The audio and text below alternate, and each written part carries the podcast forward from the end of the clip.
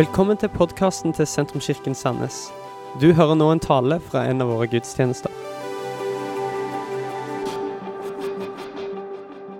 Konge. Kjekt eh, å få lov å eh, stå her, da. Og, og få lov til å si noe om eh, Jesus. Jeg heter Thomas, hvis du ikke har hilst på meg.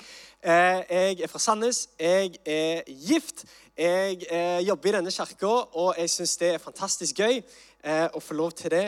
Eh, og eh, jeg må bare si eh, til å begynne med her at det er så konge at Tentro er her. Det er så konge. Det er tidenes gjeng. Eh, og alle som eh, ikke er tenåringer, de går glipp av noe. For på fredager så eh, samles vi alltid, og vi gjør så masse kjekke ting. Eh, og på fredag som var, det var bare en høydare. Hvis du er 13 eh, til 19 sånn cirka, så eh, please, kom på ungdomsmøte og bli en del av, av gjengen vår. Vi har plass til flere. Hvis du kjenner noen som ikke har et miljø, eller som ikke går i noen annen kirke, så kan du med trygghet anbefale Sentrumskirken Ungdom, for det er så bra og så gøy, det som skjer der på fredager. Jeg elsker ikke bare fredager, men jeg elsker også søndager. Det er eh, ukens høydepunkt for meg. altså. Eh, å få lov til å bare stå her, synge sammen med dere, løfte opp navnet Jesus. Eh, det elsker jeg. Kirka er ikke moralens voktere, men kirka er nådens forvaltere. Det var fint sagt.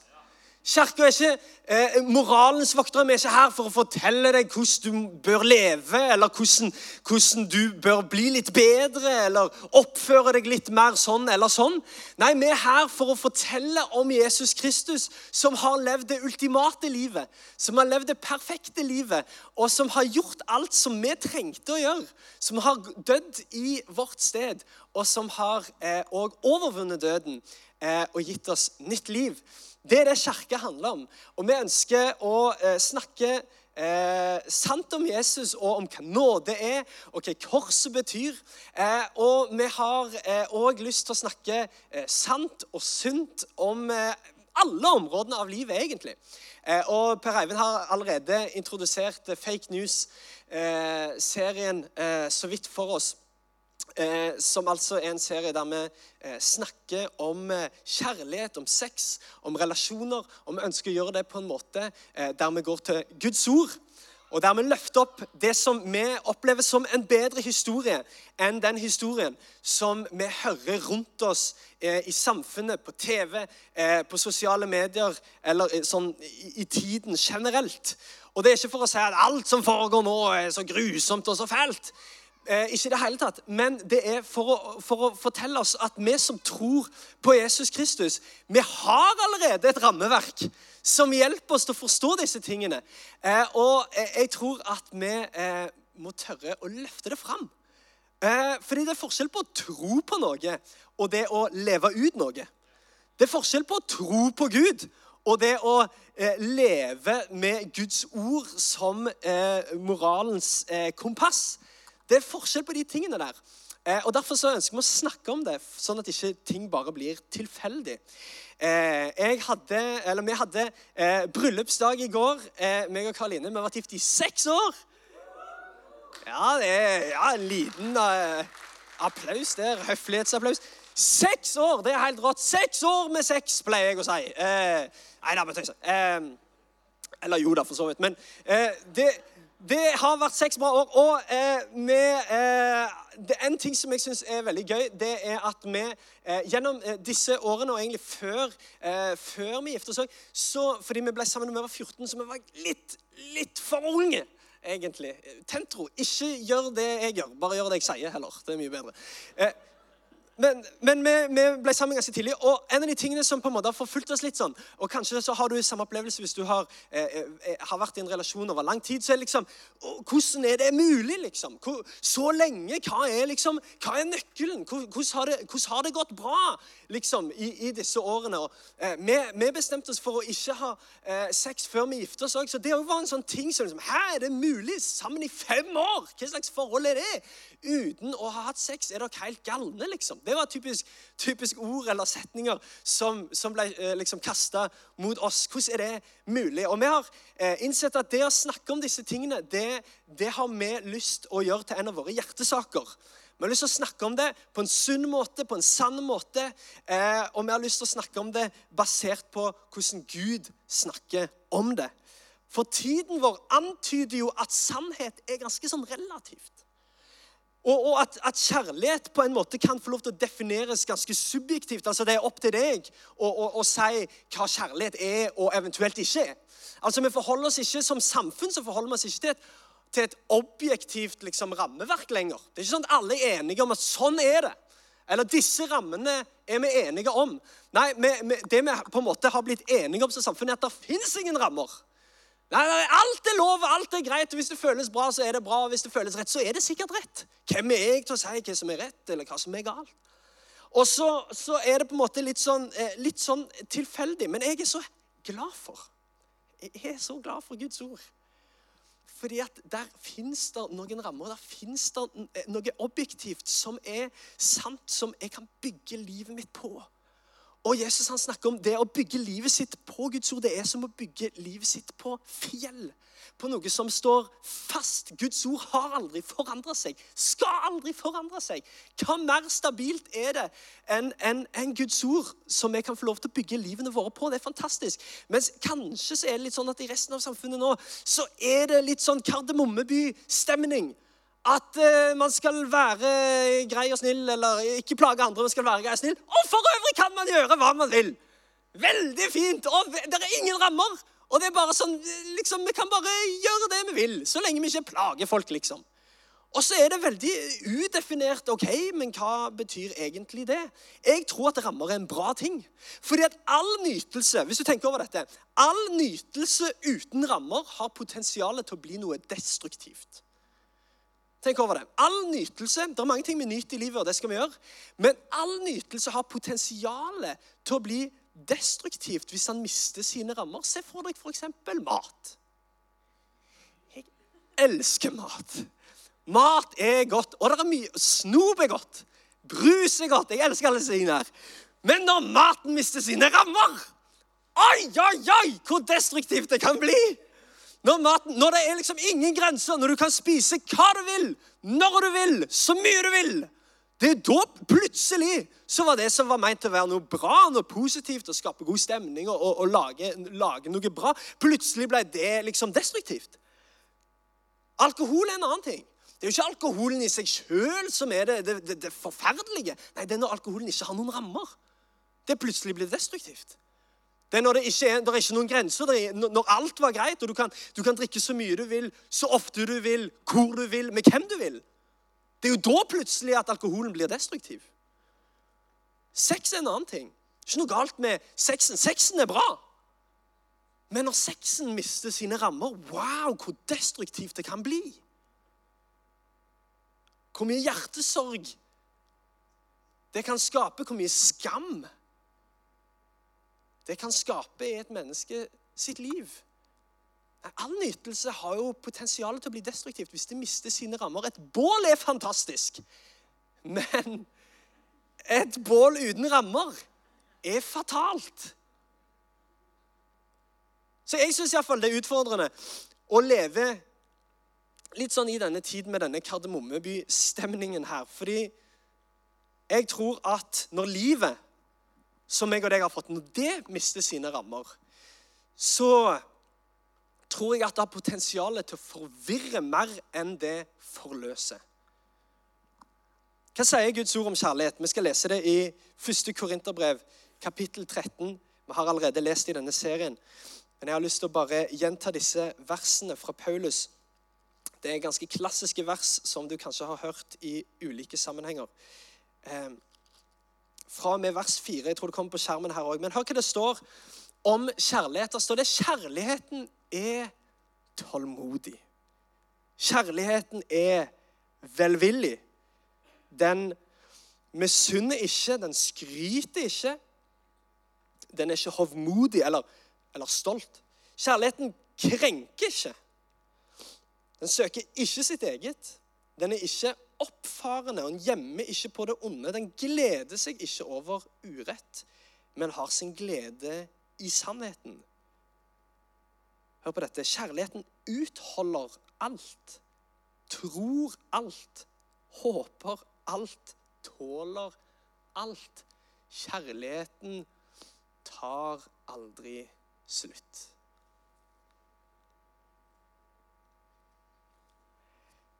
Begrepet kjærlighet har, eller er, under press, tror jeg. Og det fins ganske mange egosentriske definisjoner som kanskje ikke engang er formulert, men som på en måte vi bare, hvis ikke vi er forsiktige, plutselig så bare trodde vi på det. Vladimir Lenin sier dette, det ikke så ofte jeg eh, eh, siterer han, men her kan si, han sier A lie told often enough becomes the truth.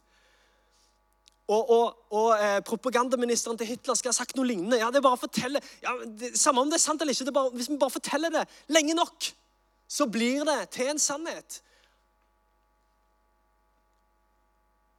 Og jeg tror Hvis ikke vi er forsiktige, så vil kanskje disse, noen av disse falske nyhetene da, om, om, kjærlighet, om, om, hvordan vi skal forholde, om, om identitet, om hvordan vi skal forholde oss til hverandre, om relasjoner, om sex Hvis ikke vi er forsiktige, så tror jeg noen av de som, som, egentlig ikke er basert på sannhet, men kanskje på noe annet, plutselig så blir det sannhet for oss. Jeg har lyst til å ta tak i noen sånne sånne fake news eller sånne falske nyheter som jeg opplever eh, lever rundt meg, og som jeg leser på Instagram, og som jeg hører i samtaler. Eh, og jeg håper at det kan eh, bli eh, til noe oppmuntrende, for jeg har lyst til å løfte fram en bedre historie eh, som jeg henter ifra Guds ord. Henger du med? Så bra! Da tar vi den første her. Dette er en falsk nyhet som jeg hører av og til. Og det er nemlig dette at self-love er det viktigste. Det å elske seg sjøl, det er det aller, aller viktigste når det kommer til kjærlighet. Ja, En kan ikke elske andre før en elsker seg sjøl. Og det er jo helt sant, det, for så vidt. Og, og jeg, jeg, sier ikke her at nå skal ingen være glad i seg sjøl. For, fordi det tror jeg òg på mange måter kan være bibelsk. Og Jesus han sier jo til og med det at, eh, at eh, når han skal oppsummere loven og profetene oppsummere Guds ord, så sier han ja, det handler om å elske Gud, og så handler det om å elske sin neste som seg sjøl. Så med andre ord, Det er et element av at vi skal selvfølgelig ta vare på oss sjøl, elske livet. Livet som Gud har gitt oss. Det tror jeg på, og det tror jeg òg er superviktig. Men når all vår kapasitet for kjærlighet når all vår kapasitet for kjærlighet kanaliseres for å realisere kun oss sjøl, da tror jeg plutselig vi ender opp eh, på en dum plass, på en tom plass. Kanskje på en til og med en grådig plass, en egoistisk plass plass. Er det, er det virkelig sant at om jeg bare elsker meg sjøl enda litt mer, så får jeg det enda litt bedre? Er det sant at jeg har det, jeg har det litt dumt og jeg har det litt trist fordi at jeg ikke er nok glad i meg sjøl? Er det sant at jeg får det bedre av å bruke mer tid på meg sjøl? På å gå lenger inn i mitt hjerte for å, for å elske meg sjøl enda litt mer? Jeg leste nettopp på Instagram en, eh, eh, noen som postet et bilde der det sto Self-love will save your soul. Som en sånn tanke om at du har det sikkert ikke så bra fordi du ikke elsker deg sjøl nok. Og det er ganske stress å leve sånn. Hvis at, hvis at svaret alltid er men do, do, For da blir det en sånn der, en, eh, greie om at åh, søren, det er bare fordi at jeg ikke er nok glad i meg sjøl. Og så blir det en dårlig samvittighet, så jeg har det vondt fordi at jeg ikke tar nok vare på meg sjøl. Men er det sant i alle sammenhenger? Jeg tror på en bedre historie. Johannes 15, 13. Når, når Jesus eh, snakker om det å elske hverandre, så sier han ingen har større kjærlighet. sier Jesus. Ingen har større kjærlighet enn den som gir sitt liv for sine venner. Er Den høyeste formen for kjærlighet er ikke den du gir til deg sjøl. Den høyeste formen for kjærlighet det er den som en gir til andre. Ingen har større kjærlighet enn nettopp den som gir opp sitt liv for sine venner. Og det er derfor Jesus er den som har vist oss størst kjærlighet. Fordi han har gitt sitt liv for sine venner. Du vet, når, fokuset, når fokuset skifter fra oss sjøl og ut, på, ut, mot vår neste. Det er jo da livet òg føles best. Det er jo da òg sjelen vår får det bedre. Derfor er mitt tips alltid til folk som sier sånn Ja, men å, jeg er så eh, Jeg vet ikke helt, jeg føler ikke livet har noen mening, og jeg føler meg litt sånn å, litt deprimert, eller sånn. Da er mitt liksom, Første tingen som jeg alltid spør om, er ja, men når var sist du ga en gave til noen? jeg mener det. Når var sist du ga noe til noen? Når var sist du eh, brukte tid sammen med noen, spurte om eh, hva vennen din sitt behov er for noe? Når var sist du eh, gjorde noe for noen andre. Og Bibelen sier til og med at den som, den som, i ordspråkene den som kvikker opp andre, blir oppkvikket selv. Det er et sånn nydelig vers. Det var helt konge. Den som, den, som, den som, løfter opp andre, hva skjer med den? Den blir jo løftet opp sjøl. Derfor er det det beste vi kan gjøre når vi kommer på gudstjeneste. Og dette mener jeg. Det at, tenk, hvis, tenk hvis Dette er et drømmescenario, men tenk hvis Tenk hvis alle tenkte på noen andre. Da blir alle tenkt på, da. Tenk på det. Hvis alle tenker på noen andre Hvis, hvis jeg tenker på eh, David, David tenker på meg, da blir vi tenkt på. Men hvis alle kommer og tenker på seg sjøl, da er det ingen som blir oppmuntra. Så den høyeste formen for kjærlighet Og, det, og, og det, er ikke, det, er ikke, å elske seg sjøl. Det er ikke mer fokus på seg sjøl. Jeg tror ikke det er det vi trenger å lære i vår tid og i vår kultur. Elsk deg sjøl litt mer. Bruk litt mer tid med is og Netflix. Realiser deg sjøl enda litt Nei, det er ikke Men, men hvem kan jeg elske rundt meg? Hvem kan jeg gi mitt liv for? Og den som kvikker opp andre, blir oppkvikket selv. Første Korinterbrev sier til og med at kjærligheten søker jo ikke sitt eget. Kanskje er dette en falsk nyhet. Ta vare på deg sjøl, ta vare på hjertet. Livet går ut fra det, sier ordspråkene. Livet går ut fra hjertet. Vi skal ta vare på hjertet, og jeg tror vi skal også med frimodighet elske livene våre. Elske det livet som Gud har gitt oss. Men la oss ikke gå på den smellen og tro at med, med alle mine livets utfordringer så er løsningen å bare gi meg sjøl enda litt mer av det jeg har lyst på. Når kjærlighet blir noe egoistisk, eller når kjærlighet blir noe, noe personlig eller subjektivt, der, der, et forhold, jeg er bare i et forhold fordi det gir meg noe. Jeg vil bare ha sex fordi det vil jeg ha. Det er, ikke, det er, ikke, noe som en deler med noen andre, men det blir en egoistisk ting. Da tror jeg plutselig det blir noe destruktivt. Det neste her, som en kanskje òg hører rundt forbi Kjærligheten tok slutt. Kjærligheten tok slutt. Kanskje er det noen som ville sagt det om sitt eget liv, eller noen forhold som en har hatt. Ja, men kjærligheten tok slutt. Jeg kjenner ikke alle dere, jeg vet ikke alle deres situasjoner. Og det, jeg, jeg, tenker det, det, er helt greit å, å, si at kjærligheten tok slutt. At det var, no, det var, noen følelser der som De var ikke der lenger. Og i et rom sånn som dette så vet vi jo at ikke alle har den samme, er i den samme situasjonen. Og jeg vokste opp i et hjem der eh, mine foreldre ikke var gift. Der kjærligheten tok slutt. Men jeg tror vi trenger òg å snakke om en side ved dette. Fordi at Følelser er ekte. Følelser er helt ekte. Det er det. Og følelser er ikke, en, er ikke en fæl ting. Følelser kan være en bra ting. Men det vi må forstå, det er at kjærlighet i, i sin reneste form Kjærlighet er ikke en følelse. Kjærlighet er ikke en følelse som kommer og som går. Forelskelse er en følelse. Og forelskelse kommer, og forelskelse går. Det å være forelska, det er superduper, det. Men hvis vi skal bygge eh, et forhold og et ekteskap på en følelse, da er det ganske stor sjanse for at en òg blir skuffa. Forelskelse er en følelse, men det å elske, det er et valg.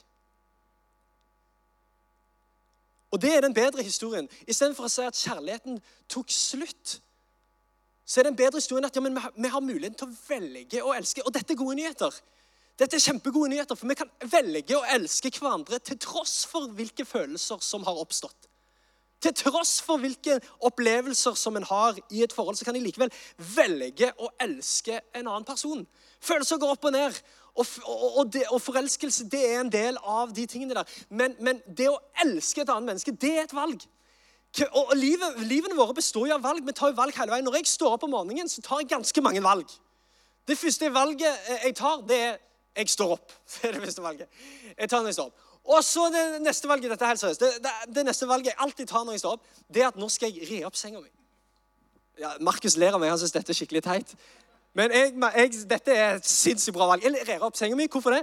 Jo, fordi jeg vil at det første jeg skal gjøre i løpet av en dag, det er å få til noe for fillen. Det er det første jeg gjør. om- Jeg vinner. Det er det jeg gjør når jeg står opp. Jeg står opp, bom! Ferdig i seng. Og det er helt nydelig. Da er jeg inne i en stream av å få til ting. Skjønner du hva jeg mener?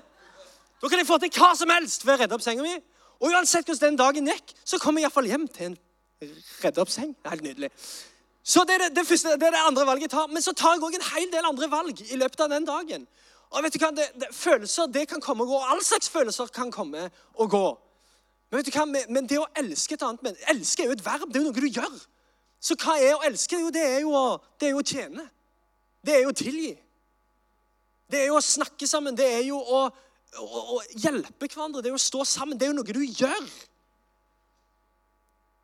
Da- Jeg drikker ikke kaffe om morgenen, men av og til så står jeg opp og så setter jeg på kaffen, og så går jeg fordi at jeg vet at Karoline drikker kaffe hver eneste morgen. Å, det var romantisk. Tusen takk. Men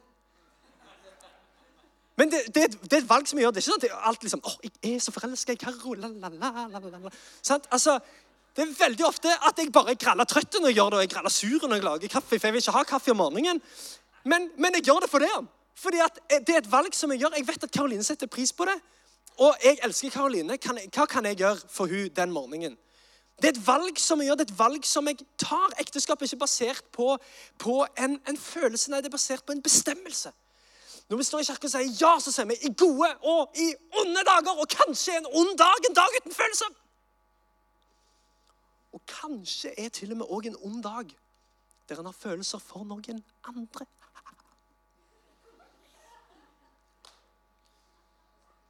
Men bare fordi en har hatt en følelse, så betyr, en, betyr det jo ikke at vi trenger å handle på den.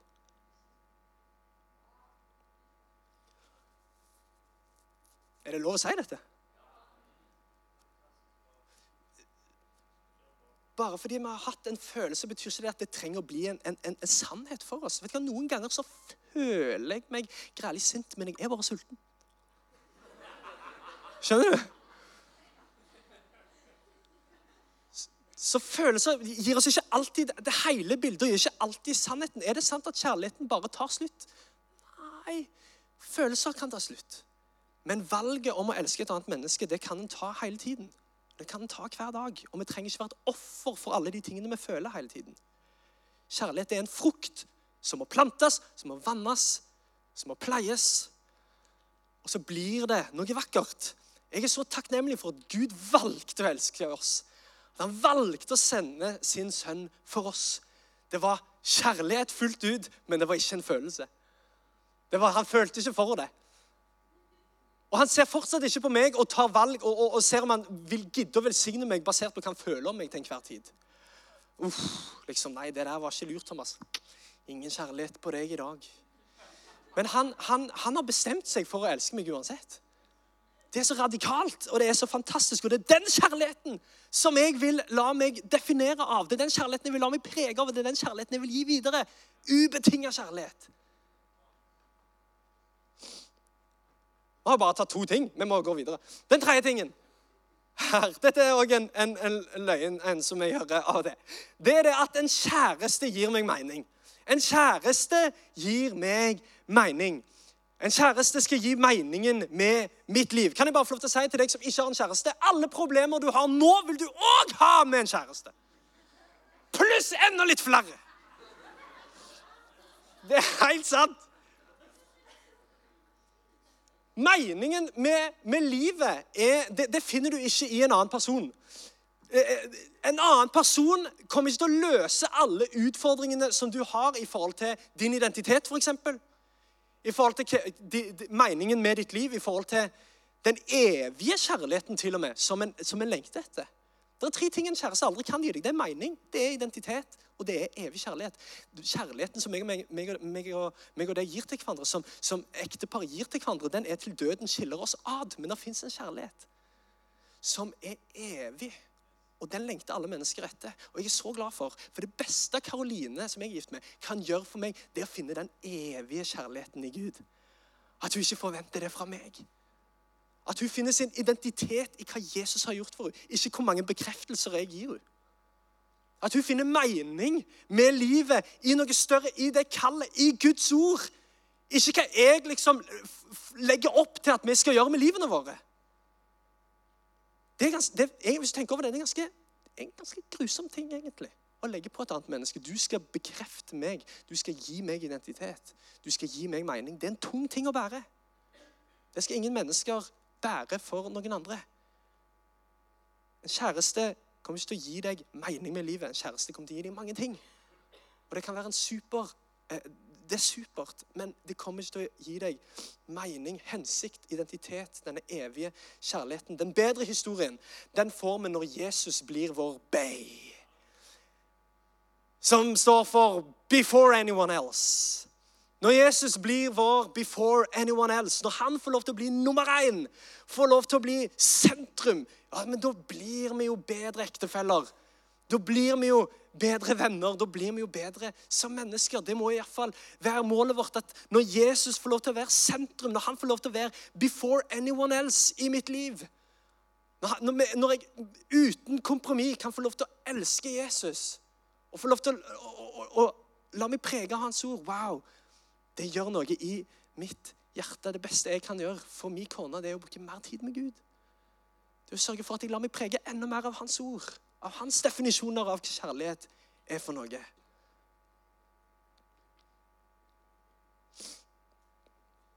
Kanskje har du hørt denne fjerde her. Jeg tror det er en falsk nyhet. For å bli kjent må man sove sammen.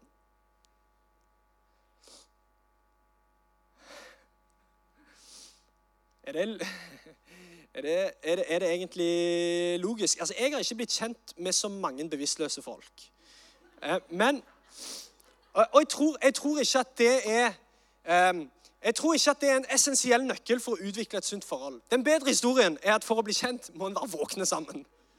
Folkens. For å, bli, for å bli skikkelig kjent med hverandre, hva må en gjøre da? Vi må være våkne sammen. Vi må se hverandre i øynene. Vi må være til stede, må gjøre gøy ting. Må, må, må, må eh, dra på ting, oppleve ting, møte venner, være med hverandre sine venner, møte familie. For det, det, det, det, skal være en skikkelig ting, det skal være en ekte ting, noe du kan bygge et, et liv på og en relasjon på. Det å sove sammen er ikke en essensiell nøkkel for å utvikle et sunt forhold. Og så tror jeg at det setter oss i en unødvendig vanskelig situasjon når den leder oss på den femte her. Ja, men det er jo risky å gifte seg uten å ha hatt sex. Det var det mange som sa til Karoline før vi gifta oss. Hæ? Det er jo, det er jo, hvordan, hvordan går det an?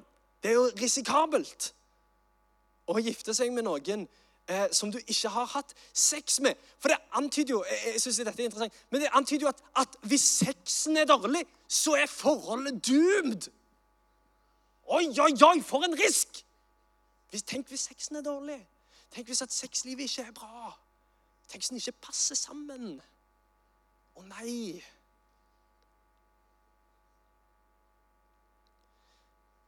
Kan jeg få lov til å si at sex det er en bonus, det er ikke et mål. Sex er en bonus, det er ikke et mål. Det, det som er mye mer risky, for eksempel, det er å, å gifte seg med noen som en ikke har ledd med. Det er mye mer risikabelt. hvis du spør meg. Noen du ikke har det gøy med. Altså, Det er risikabelt. Det hjelper ikke å ha et, et godt sexliv hvis en ikke er, har, har, det gøy med den personen. At en ikke har det bra, at en ikke har et godt forhold, at en ikke har en sunn retning på det forholdet. Sex er en bonus, det er ikke et mål i seg sjøl. I de fem årene vi var sammen før vi giftet oss, var dette essensielt for oss. Vi sa vi, vi skal møtes hver dag. På en eller annen måte. Vi skal møtes hver dag. For vi er seriøse med vårt forhold. Vi skal møtes hver dag. Om det var fem minutter eh, å spise en bolle på Narvesen før vi tok bussen til skolen, liksom. Eller om det var at vi spiste middag seinere. Eller eh, om det bare var på FaceTime, liksom. Fordi vi var langt vekk fra hverandre. Men vi, vi skal se hverandre hver dag. Vi skal snakke sammen hele tiden. Og vi skal gjøre kjekke ting sammen. Og vet du hva, da får du, Tenk, tenk å bygge et ekteskap på de verdiene der. At en har det gøy sammen, at en har en retning sammen, at en vil noe sammen. Bygge et ekteskap på at en har en, en, har en, en mål, en har en drøm sammen. En vil noe med livet sitt sammen. Det gjør at forholdet er ikke bare bygd på en følelse eller en opplevelse. Men det er noen verdier som finnes der, som er i bånn, og som gjør at vi kan ha et meningsfullt og sunt ekteskap. Den siste tingen som jeg hører, og som sikkert du òg har hørt, som jeg tror kanskje Hvis ikke vi er forsiktige, så blir det en sånn falsk nyhet. som vi òg tror på den. Siste tingen her er 'love is love'. Kanskje du har hørt den. Noen sier kanskje 'alt er love'. Bandet kan komme på slutten her. Uh, love is love. All kjærlighet er kjærlighet.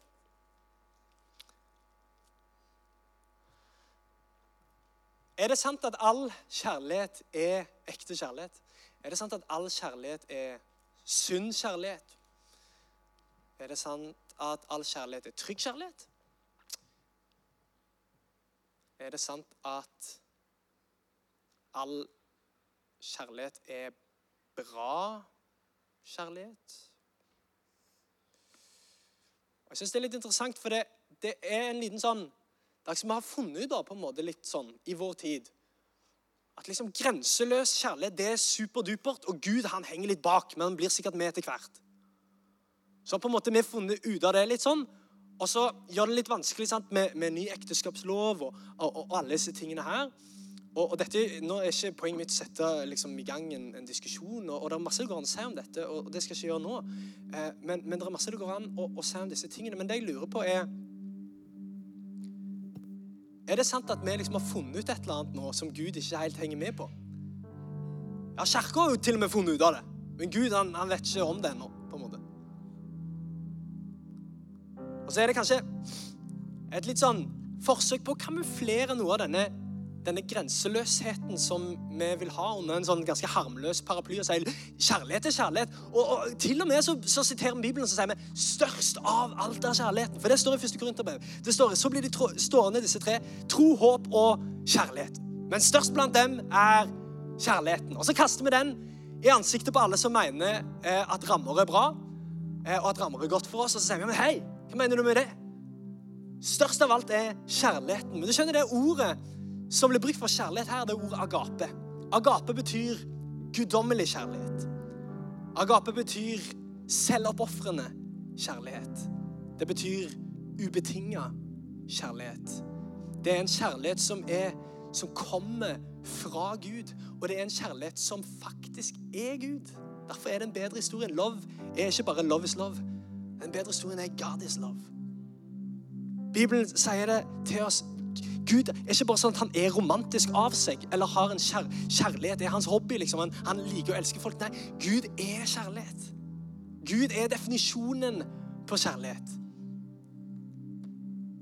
Gud er forfatteren av kjærlighet. Gud er designeren av kjærlighet. Han er kjærlighet.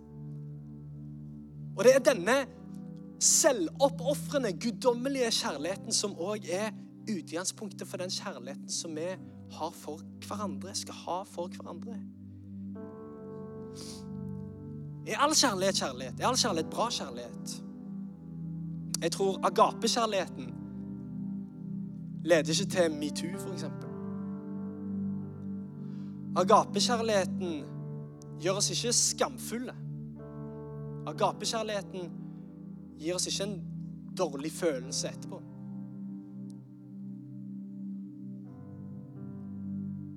Er denne guddommelige agapekjærligheten. Den setter oss fri. Den gir oss identitet. Den gir oss tilbake vår verdi. Den vi var skapt til å være. For så høyt har Gud elsket verden, står det i Johannes 3, 16, at han ga sin sønn den enbårne for at hver den som tror på ham, ikke skal gå fortapt, men ha evig liv. Det er agapekjærlighet. Som ikke tar stilling til om en fortjener det eller ikke, men som utøser sin kjærlighet til alle mennesker. Hør hva det står i 1. Johannes brev 3,16. Eh, da står det hva kjærlighet er, har vi lært av at Jesus ga sitt liv for oss. Så skylder også vi å gi vårt liv for våre søsken. Hva kjærlighet er, hva kjærlighet i sannhet er. Det har vi lært av at Jesus har gitt sitt liv for oss. Det er agapekjærlighet. Det er guddommelig, selvoppofrende, ubetinga kjærlighet. Vår kjærlighet er full av betingelser. Jeg elsker deg hvis du elsker meg. Jeg gir deg gave på bursdagen din hvis du gidder å gi meg gave på bursdagen min.